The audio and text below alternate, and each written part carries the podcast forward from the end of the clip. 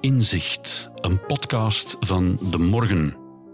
Ik ben Joël de Keulaar en in deze reeks praat ik met denkers, wetenschappers en andere slimme mensen aan wie ik vraag om een cruciaal inzicht prijs te geven. Wat hebben ze geleerd over de wereld en het leven dat ze graag met ons willen delen? In deze aflevering is mijn gast Tineke Beekman. Zij is filosoof, columnist en auteur van verschillende boeken, onder meer over de 17e-eeuwse Nederlandse filosoof Spinoza. Ze vertelt wat Spinoza ons leert over het verschil tussen macht en kracht, hoe we ons niet mogen laten leiden door sentimenten zoals angst en hebzucht, maar onszelf moeten leren kennen, zodat we kunnen kiezen voor wat ons gelukkig maakt.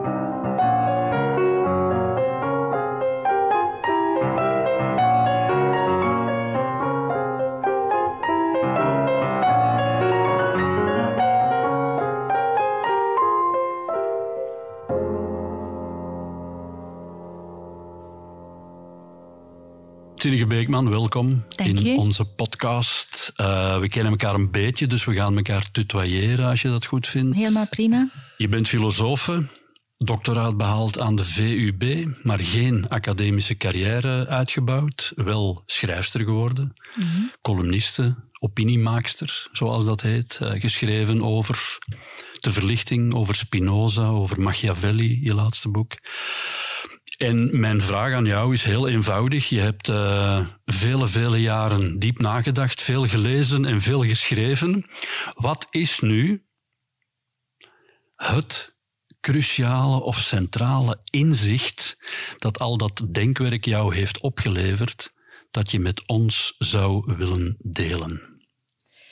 Wel, toen je me die vraag stelde, dacht ik, um, ja, dat is bijna een onmogelijke vraag om te beantwoorden, maar eigenlijk had ik toch vrij snel een bepaald idee. En het is van, van Spinoza, hè, waar ik uh, een boek over geschreven heb, tien jaar geleden. Ik ben ook al mhm. tien jaar um, onafhankelijke.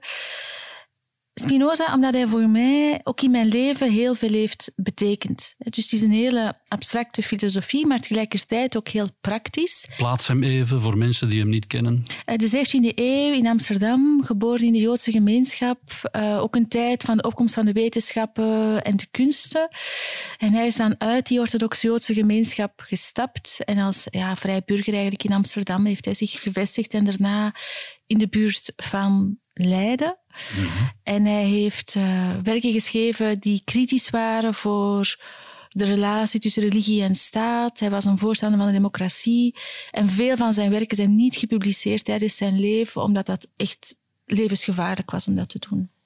Onder meer omdat hij het godsbestaan, zoals dat toen werd uh, gezien, niet aanvaarden. Nee, dus hij heeft, er is wel een God, en misschien komen we er nog op terug, mm maar dat is niet een God die buiten de wereld staat en die de wereld zou geschapen hebben met een bepaald doel, uh, waarvan de mens ook deel uitmaakt van dat bepaalde doel. Uh, er is geen onsterfelijkheid van de ziel, er is geen leven na de dood enzovoort. Dus zijn godsconcept werd als atheïstisch beschouwd. Welk inzicht heeft hij jou verschaft? Wel dat als je het woordje macht neemt, dat veel mensen denken macht betekent macht hebben over. En Spinoza heeft daar een woord voor, potestas. Maar hij nodigt zijn lezers van de ethica, van zijn belangrijkste werk, ook uit om die potestas te benaderen vanuit potentia, vanuit een idee van kracht. Mhm. En als je daar heel helemaal doordenkt, dan, dan, dan besef je ook op hoeveel manieren dat een nog altijd voor vandaag de dag een relevant idee kan zijn. Geef eens een voorbeeld. Dus het gaat over de relatie tussen macht en mhm. kracht. Potestas en potentia, dat is gewoon Latijn. Uh. Ja. Geef eens een voorbeeld. Wel, dus potestas is de macht die je overdraagt aan anderen. Bijvoorbeeld de overheid of een leerkracht of als ouder. Hè. Telkens als je in, of als baas op het werk, dat je in een positie bent om te beslissen over anderen. Mhm. Dat is potestas. En uh, de mens is een sociaal wezen en ook een beperkt wezen. Je kan niet helemaal alleen overleven. Dus in die sociale context zijn er altijd vormen van potestas tussen mensen. Maar, zegt Spinoza, uh, je bent als mens, zoals hij zegt, ook een modi, een bepaald wezen, een deel van God. En je hebt ook een eigen kracht. En die eigen kracht, ja, dat is jouw kracht. Hè. Uh, volgens Spinoza is dus de mens niet het doel van de schepping, en er is ook niet een bepaalde norm. Er is niet een bepaalde perfecte norm van de mens. Nee, er zijn alleen heel veel verschillende mensen die eigenlijk op hun eigen manier bestaan, met hun eigen geestelijke vermogens, hun eigen lichamelijke vermogens, hun, dispositie, hè, dus uh, uh, ja, hun erfelijkheid zou je kunnen zeggen. Spinoza kent die term wel niet, maar ook hun ervaringen, hun omgeving en, en iedereen is wie dat hem, uh, hij of zij is. En heeft dus die eigen potentia. En dan is de vraag op welke manier de, die machtsoverdracht naar anderen jouw mogelijkheid om te floreren, jouw mogelijkheid om te zijn wie je bent, kan, eh, kan beïnvloeden. Juist. Kan het je eigen kracht aantasten als je een bepaald zeggenschap overdraagt aan anderen? Of soms misschien net ook versterken? Ja, dus dat is eigenlijk uh, wat hij zegt. Uh, dus hij is een voorstander van de, van de democratie. Waarom? Omdat je als burger, je hebt een bepaalde kracht, een bepaalde, bepaalde talenten, bepaalde verlangens. En in een democratie kan je die het best verwezenlijken. En heb je ook nog iets te zeggen, ondanks het feit dat natuurlijk de staatsmacht veel groter is. Het ergste is de tirannie. Dat is de tiran die door te regeren met angst en haat en wraak en, en, willekeur uh, mensen hun potentia, hun kracht, hun macht aantast en, en vermindert. En dus je moet in het leven proberen, dat is eigenlijk een beetje de doel ook van de ethica, om een soort levenspad uit te stippelen waar je rekening houdt met je eigen beperkingen, maar tegelijkertijd zoveel mogelijk probeert om die potentia te vermeerderen en en dat betekent dat je een analyse maakt van je relaties, maar ook van je passies. Dus heel specifiek aan Spinoza, en het kwam al een beetje bij wat ik zei over de tiran, is ook dat de, de gevoelens die je hebt, de passies die je hebt, een invloed hebben op die, op die bepaalde macht, op die kracht. Laten we dadelijk terugkomen op de passies, maar dus het feit dat je in een democratie mee bepaalt wie de macht heeft, dat is de essentie van de democratie vandaar is dat de door hem uiteraard geprefereerde staatsvorm. Ja, omdat het heeft de grootste vrijheid. En daarin ben je het meest vrij als burger om wetenschappelijk onderzoek te doen of kunstenaar te zijn of je mening uit te uiten of handel te drijven. Om je eigen kracht voilà. tot uiting te ja. brengen. En dan is er ook vertrouwen tussen burgers. Er zijn allerlei dingen die, die, uh, ja, die, die, die um, blije passies, hè, dus generositeit en zo, dat wordt eigenlijk allemaal welvaart, dat wordt allemaal in de hand gewerkt door die vrijheid. En dus kan je daar, voor zover mogelijk, helemaal zijn wie je kan zijn. Ja. Dus het overdragen van een zekere macht aan een door jou zelf gekozen regering is niet ongunstig, maar noodzakelijk en kan je eigen vrijheid vergroten. Of, ja. Uh, ja. Het is de beste oplossing voor een fundamenteel menselijk probleem dat je op tal van manieren afhankelijk bent van anderen, omdat je ja. een sociaal wezen bent. Ja. Speelt die spanning tussen kracht en macht ook binnen het individu? Ja, dus het wordt, het wordt eigenlijk ook wel iets ingewikkelder, omdat je kan je ook vergissen over die eigen potentia. Dat wil zeggen, je kan in een bepaalde context bepaalde ideeën hebben over wat je zou moeten nastreven of wat voor jou het goede zou mhm. zijn, terwijl eigenlijk in werkelijkheid niet het geval is. Dat heeft ook te maken met opvoeding. Dat heeft ook, zo kan je bijvoorbeeld uh, denken dat het behalen van een bepaalde status of een bepaald prestige of het verdienen van een bepaald bedrag, dat dat eigenlijk is wat het goede is voor die kracht, terwijl het eigenlijk niet noodzakelijk het geval is. En Spinoza verschilt hier heel erg van een tijdgenoot van hem, Thomas Hobbes, die gelijkaardige termen gebruikt, maar ze op een totaal andere manier interpreteert en die eigenlijk die potentia, die kracht van de mens altijd relationeel ziet. Die, die zegt, macht, eh, zegt, elke mens heeft een conatus, elke mens wil blijven leven. Dus eigenlijk, Spinoza zegt dat ook. Uh, dus je hebt een bepaalde kracht, een bepaalde uh, energie of een bepaalde mogelijkheid om dat te doen. Oké. En dan, volgens, zegt Hobbes, is er een natuurlijke macht, bijvoorbeeld intelligentie of schoonheid. En dan heb je instrumentele macht, bijvoorbeeld rijkdom. Maar het feit dat Hobbes die macht op die manier definieert, betekent dat hij het altijd beschouwt als tegenover anderen.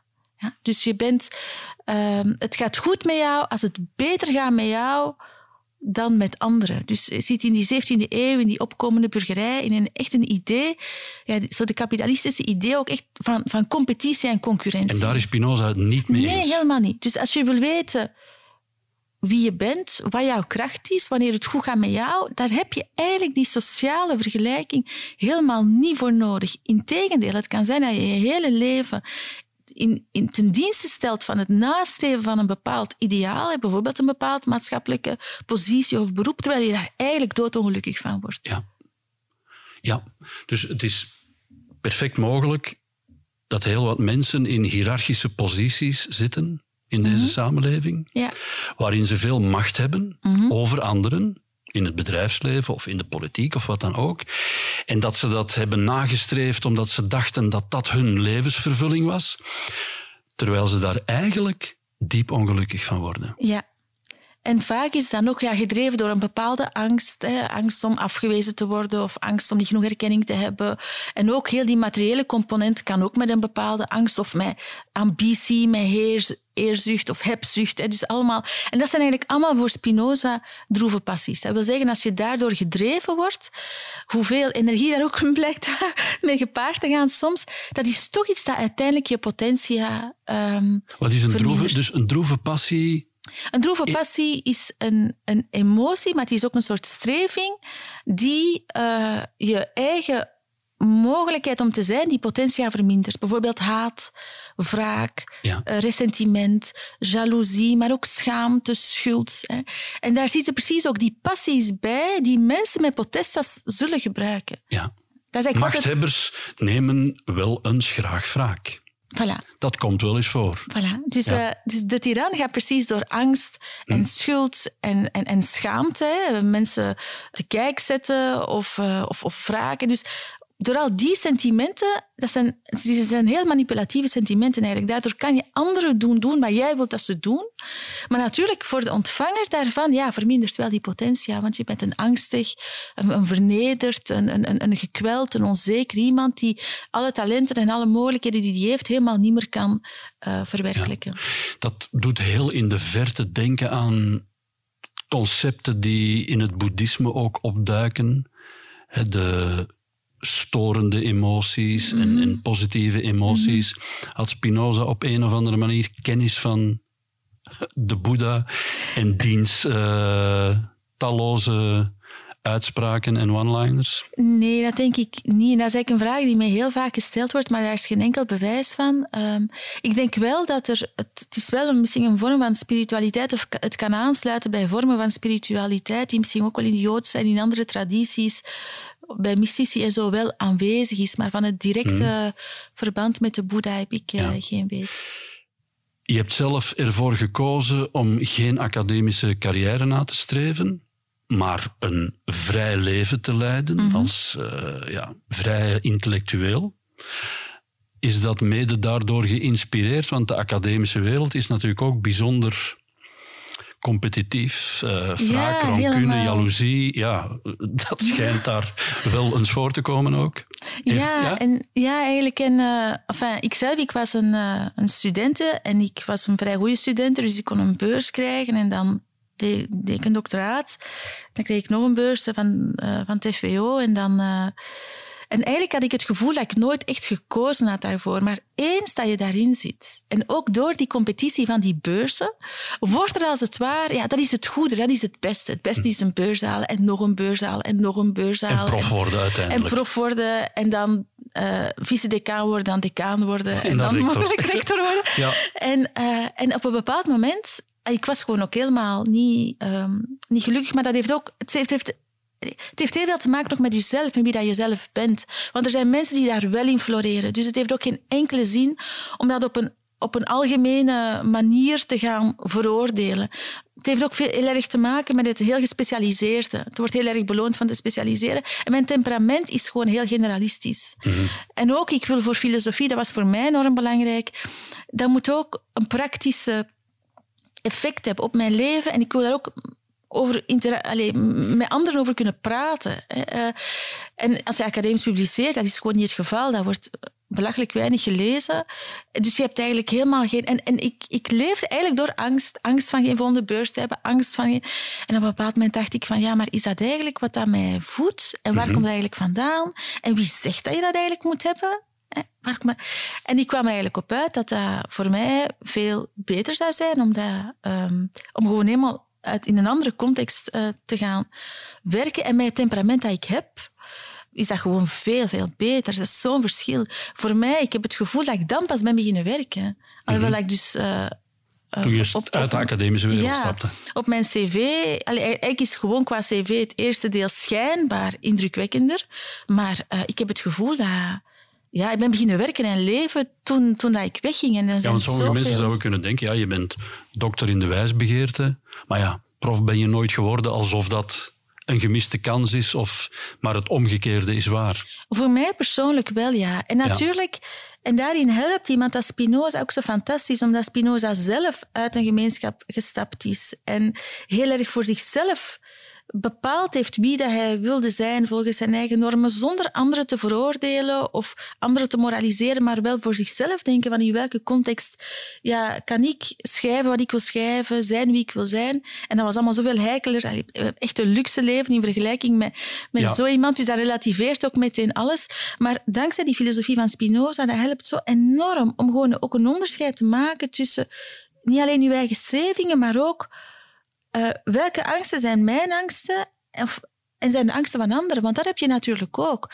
Mensen die absoluut willen prof worden en daar een heel sterke identiteit aan ontlenen en eh, voor wie het niet prof worden soort eh, ja, falen is of zo, dan denk ik, ja, dat is hun visie daarop. Maar niks verplicht mij om... En natuurlijk krijg je wel qua interactie heel veel negativiteit. Dus echt, ik heb echt zeer weinig aanmoediging gekregen, omdat dat echt beschouwd werd als zo een, een, ja, een, een, een totaal, niet alleen een onhaalbaar idee, maar ook... En ook daar moet je... Het is zo makkelijk als je helemaal ondergedompeld bent in dat spinozistisch universum, om gewoon dat onderscheid te maken Ja. tussen jezelf en anderen. En hoe kun je, want mensen die dit nu aan het beluisteren zijn en die zich afvragen van, eh, ben ik wel goed bezig eh, volgens Spinoza? Welke vraag moeten die zich dan stellen? Als dat mensen zitten gevrongen op welk gebied dan ook, kan dat een eh, handvat zijn om... Wel, ik denk als je geconfronteerd wordt... Om, om te beginnen denk ik dat je ook moet... je kan eens kijken naar de emoties die je hebt, de passies die je hebt en, en wat dat die... eh, waardoor dat je gedreven wordt. Eh, Dus als, eh, als daar zo Wat schuldgevoel... doe ik eigenlijk echt graag? Ja, wat doe ik graag? gezegd, ja. Wat doe ik graag? Waar ben ik goed in? Waar krijg ik ook goede feedback op? Want dat is ook... ehm, ik had eh, zo lijstjes gemaakt van waar ik goed in was, waar ik niet goed in was en waar ik iets aan kon doen. Mhm. en waar ik niet goed in was en waar ik niks aan kon doen. Het is een soort van persoonlijke beperking. En van, Het is wat het is en ik ben wie ik ben. En dat andere mensen daar dan beter in zijn, ja, dan eigenlijk is dat gewoon mijn zaak. Wat was je grootste beperking? Dat gaat iedereen zich nu afvragen. Wel, ik had, eh, wat ik had opgeschreven was dat... En, eh, ik ben niet heel sociaal. En mensen geloven mij daar niet in, maar het is wel waar. Ik ben enorm introvert. Mhm. En ik haal geen energie uit sociale contacten. Dus recepties, academisch, je zou daar... Ja, net, Ja, ja. En er zijn jobs waarvoor dat enorm belangrijk is. En er zijn mensen die daar die charme hebben, die charisma hebben, die hè, de, de geslaagde politicus die bijna als ze ergens binnenkomen zo lijfelijk een soort vertrouwen uitstralen en waar mensen makkelijk een... Oké, niet mijn geval. En Ja. ik denk niet dat dat gaat veranderen. Ik bedoel, en, Je hebt dat ook wel, hè? dat zullen veel mensen met mij eens zijn, denk ik. Je hebt toch wel een zeker charisma. En als je... Ja, daar, daar kan ik zelf niet over daar oordelen. kun je zelf maar, niet over maar, nee. ik, krijg geen... Ik zie graag mensen en ik, ik ben blij als ik lezingen geef. En ik, eh, het is niet dat ik, maar au fond, als ik, er, als ik een paar ontmoetingen heb, dan moet ik terug in, in het bos gaan wandelen en terug. Ik ben gewoon enorm introvert. En, eh, en dat is ook iets dat Spinoza zegt. eh, ehm, het, het gaat erom wie je bent en wie Ja. jij kan zijn. En dus in jouw geval, in je eentje, in je studeerkamer, zonder druk van buitenaf, lezen en je eigen boeken schrijven, dat is een veel aangenamer en gelukkiger gelukkig. bestaan. Ja. Dan ben ik gelukkig. En Ja. ik voel ook dat er komen altijd nieuwe ideeën. Alleen voorlopig. We zullen zien als dat niet meer zo is. Maar er- ook zoals bij mijn Machiavelli-boek. Ik had echt een gevoel bij Machiavelli dat ik echt een juwelendoosje kon open doen met allemaal fantastische inzichten, zo allemaal fantastische juwelen. En, en ik mocht me daarmee gaan bezighouden. Mhm. En dat waren dan zijn inzichten in, in de politiek. En als ik zoiets kan doen, dan, dan, ehm, Ja. ja, dan voel ik mij daar uh, heel, heel goed bij. Dus dat is eigenlijk de vraag. Dus uh, wat kan je zijn? Er is zo'n beetje dat gek idee, uh, in, in, vooral in zo de, de, de, samenleving van de maakbare mens, van je kan worden wie je wil. Dat is helemaal niet waar. Je moet een realistische blik hebben op waar je goed in bent en waar niet. En dat op is je niet op je, je potentie, ja. En dat is niet noodzakelijk wat je wil. Als ik zou willen een geweldige zangeres worden, dan had ik gewoon een heel gefrustreerd leven gehad. Ik zou dus- ook heel graag popster. Dat is eigenlijk mijn ultieme droom. Nee, popster en dan optreden voor de tienduizenden mensen. Ja, inderdaad. Ja. Ja, dus dat is, uh, dat is heel belangrijk. Dat je, en en dat, dat ook kunnen aanvaarden. Hè. Dus het, heel veel bij uh, Spinoza heeft te maken ook met het aanvaarden van je beperkingen. Zonder klagen, zelfmedelijden, anderen de schuld te geven. En, en het is daarom ook dat als, um, als je vraag is van hoe, hoe weten mensen nu uh, hoe dat hun verhouding daartoe eigenlijk is, wel, door welke passies word je gedreven? Ga je door het leven beschuldigend of verwijtend mm -hmm. of, of zelf helemaal mm -hmm. gebukt onder schuldgevoel of permanent verontwaardigd of, mm -hmm. of heel angstig of schaam je je enorm. Eh, um, ja, dan, dat, dat zegt iets over, over, de, de, over je toestand eigenlijk. Want bij, bij Spinoza, dus het, het universum is, God is een, een, een kracht, hè, een oneindig producerende kracht waarvan wij een klein deeltje zijn. Mm -hmm. Dus je bent zelf ook voortdurend in wording. Die potentia die, die stijgt en die daalt. En zelfs op één dag kan ja. je op een bepaald moment heel kwaad worden en op een ander moment heel liefdevol over iets anders zijn. En dus het is altijd heel erg fluctuerend. Ja. En niks is een permanente toestand. Ook de zogezegde wijze die inzicht heeft in zichzelf en, en de reden gebruikt en de zie, echt zo alles wat... Ook dat is, ja, die kan eventjes daarna ook terug helemaal door zijn verbeelding ingepakt worden. Ja, ja maar ik begrijp wat je bedoelt, ja. ja. Maar jij probeert zo te leven. Ja. Ja, ja en soms als het minder goed gaat, dan, dan doet het ook wel goed om zo terug Spinoza onder... Uh, ja, vast te nemen. En ik weet nog de zomer, dus mijn, mijn beurs eindigde in, in september. En de zomer dat ik mijn Spinoza-boek aan het schrijven was en dat ik zo die sprong had eigenlijk naar mijn eigen vrijheid. Mm -hmm. Dat is echt de beste zomer van mijn leven geweest. Dat was fantastisch. Dat was echt... Ik had zo'n gevoel van, van, van genade bijna, van een enorme dankbaarheid.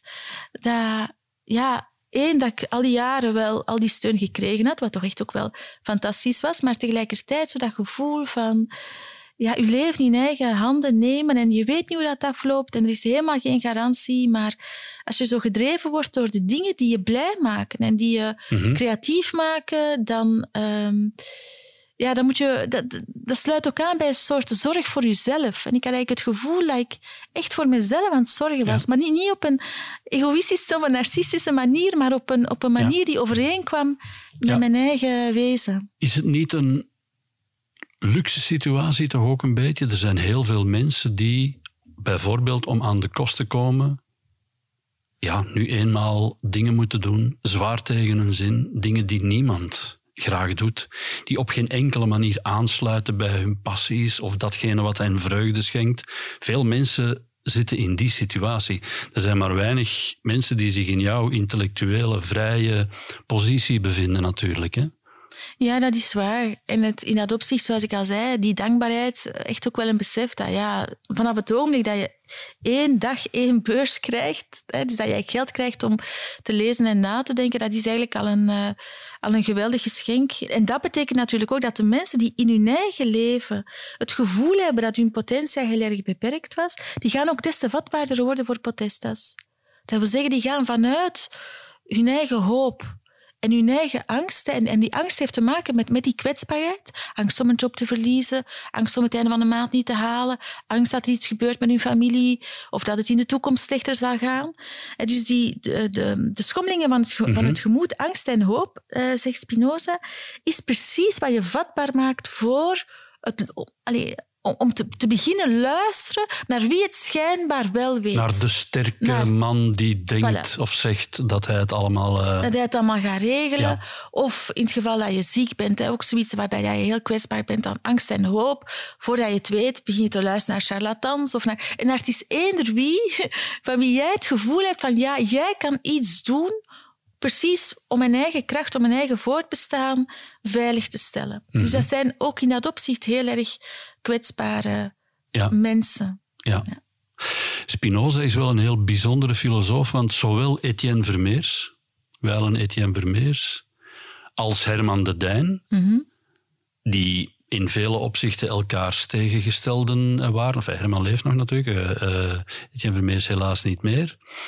In vele opzichten elkaars tegengestelde. Eh, De filosoof van het verstand, de filosoof van het hart, veel eer progressief, veel eer conservatief en zo verder. Grote botsing, maar allebei, Spinoza was het allerhoogste. Ja, hij is alles overstijgend. Hè? Ja. Hij schrijft natuurlijk ook zeer abstract.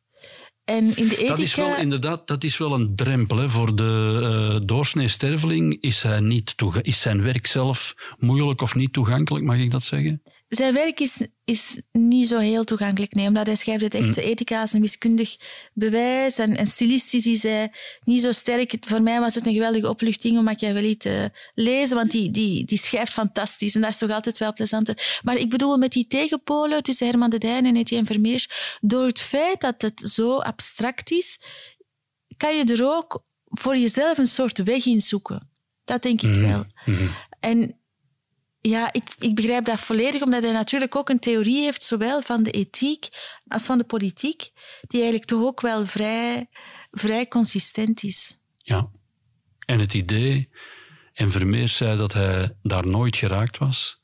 En de Dijn zei, zegt dat hij daar misschien heel af en toe soms een beetje in de buurt kwam. Het idee dat je soms een soort eh, status bereikt waarin je... Acquiescentia in, in se ipso, een soort van gemoedstoestand die, die eh, een soort van wijsheid is, Ja. een soort van rust is. Ja. Ja, een, een gemoedstoestand die met niets te vergelijken is, dat je het gevoel hebt dat je werkelijk een deel bent van Mhm. de kosmos en dat alles op zijn plaats valt Mhm. ineens.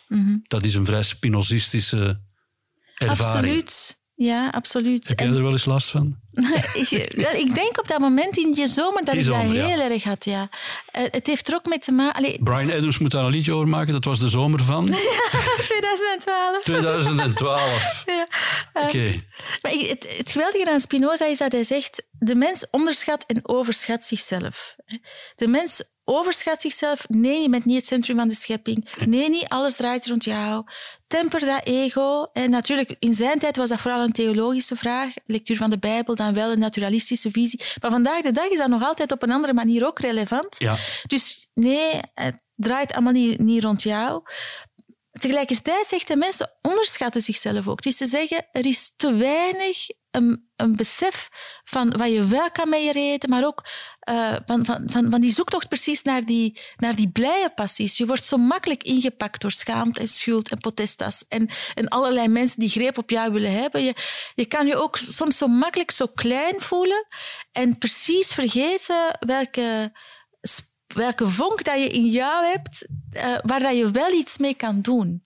En dat heb ik altijd enorm aantrekkelijk gevonden. Er is enerzijds die enorme beperkingen en, en Ja. bewust van die, bewustzijn van die limieten en dat ego-temperende, maar tegelijkertijd ook die enorme aspiratie. Dat enorme verlangen naar iets hoger en iets, en iets beter, En dat kan, ook in in kleine, jezelf. dat kan in kleine dingen zitten. Daarvoor hoef je niet eh, de Nobelprijs eh, voor de vrede te Nee, winnen. helemaal Nee. niet. Nee, want ook die vraag van potestas is niet alleen wie heeft er macht over jou, maar ook hoe ben jij als je macht hebt. Ja.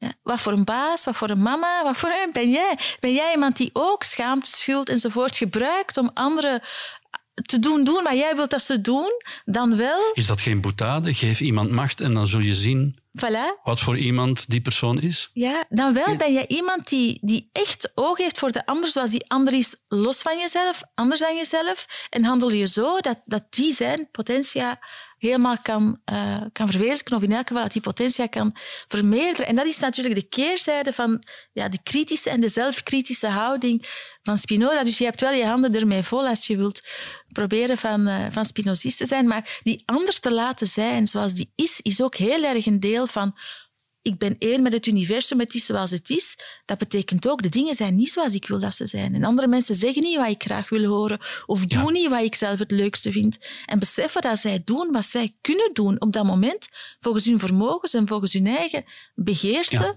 En dat moet je ook loslaten. En dus ook niet bijvoorbeeld nodeloos lang wakker liggen van wat anderen eventueel over je denken of zeggen of wat dan ook. Nee, dat is een van de geweldige voordelen. Hè. Dus als je wakker ligt van wat mensen over, over je zouden zeggen, dan zit je opnieuw met dat onderschatten en overschatten. Ten eerste, de meeste mensen praten helemaal niet zoveel over jou. Ja, dus dat is, dat is ook allemaal je eigen verbeelding. Want in je verbeelding ben je wel het centrum van het universum, dus ze zullen het wel over mij hebben. En dan ten tweede is het ook een onderschatting in de zin precies dat jouw potentia niet noodzakelijk afhangt van wat die anderen al dan niet zeggen. En eigenlijk heb je er toch ook gewoon helemaal geen controle op. Dus er zit ook iets stoïcijns bij Spinoza, dat de dingen waar je geen enkele controle over hebt, ja, daar hoef je je ook helemaal niet mee bezig te houden. Daar heb je ook geen verantwoordelijkheid over. Dus dat kan je dan ook, ook loslaten. Ja. Ja. En dat, dat is enorm bevrijdend. Ja, ik ging net zeggen, dat is bevrijdend. Mhm. Maar je moet je wel richten op wat jij wel kan doen. En ook niet ervoor zorgen dat je iemand bent als je potestas hebt, dat je et cetera, et cetera. Dus het, is niet, het, het, het blijft wel, wel een soort intense focus die, dat je, moet, uh, die dat je moet behouden. Ja. Tineke Beekman, mag ik jou ongelooflijk danken voor dit zeer waardevolle inzicht. Graag gedaan.